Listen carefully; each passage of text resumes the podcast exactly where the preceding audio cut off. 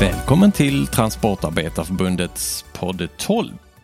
Och idag ska vi uppdatera er igen om eh, läget i avtalsrörelsen.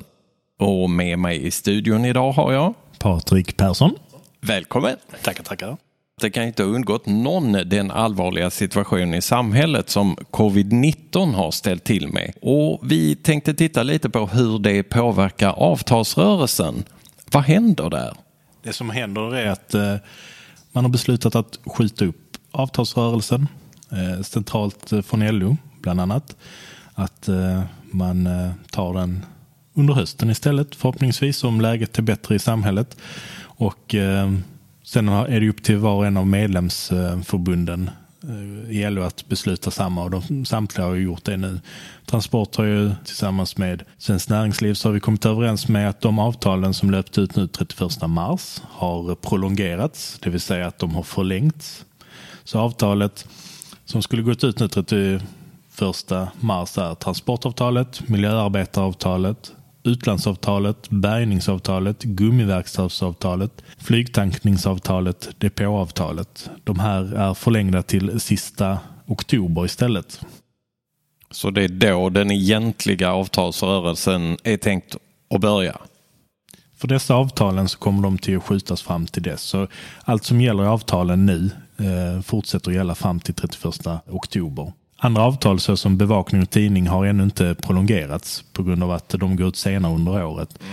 Men om, ja, detta är ju ren spekulation, men om situationen är som den är idag så är det nog inte uteslutet att, att även de kommer till att prolongeras. Något som också kanske har hänt är att eh, några av er har blivit korttidspermitterade. Regeringen har beslutat om korttidspermittering med statligt stöd.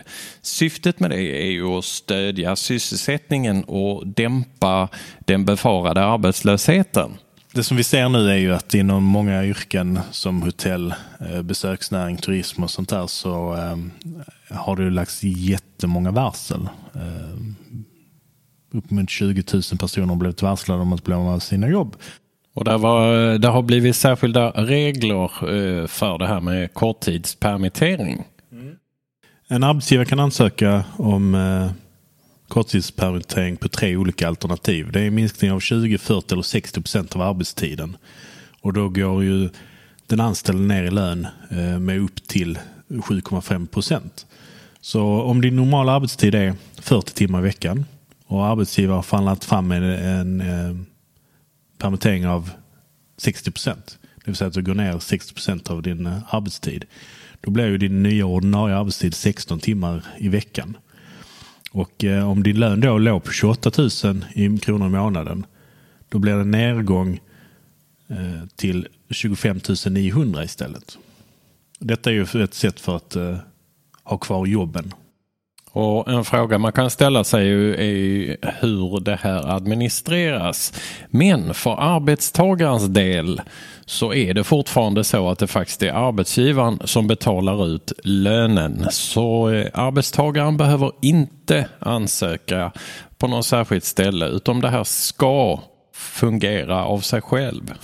Ja, arbetsgivaren ansöker eh, om eh, stöd från Tillväxtverket. De betalar ut hela din lön Sen ansöker de om stöd hos Tillväxtverket. Och tänk på att arbetstiden då, den eh, ska förläggas i schema.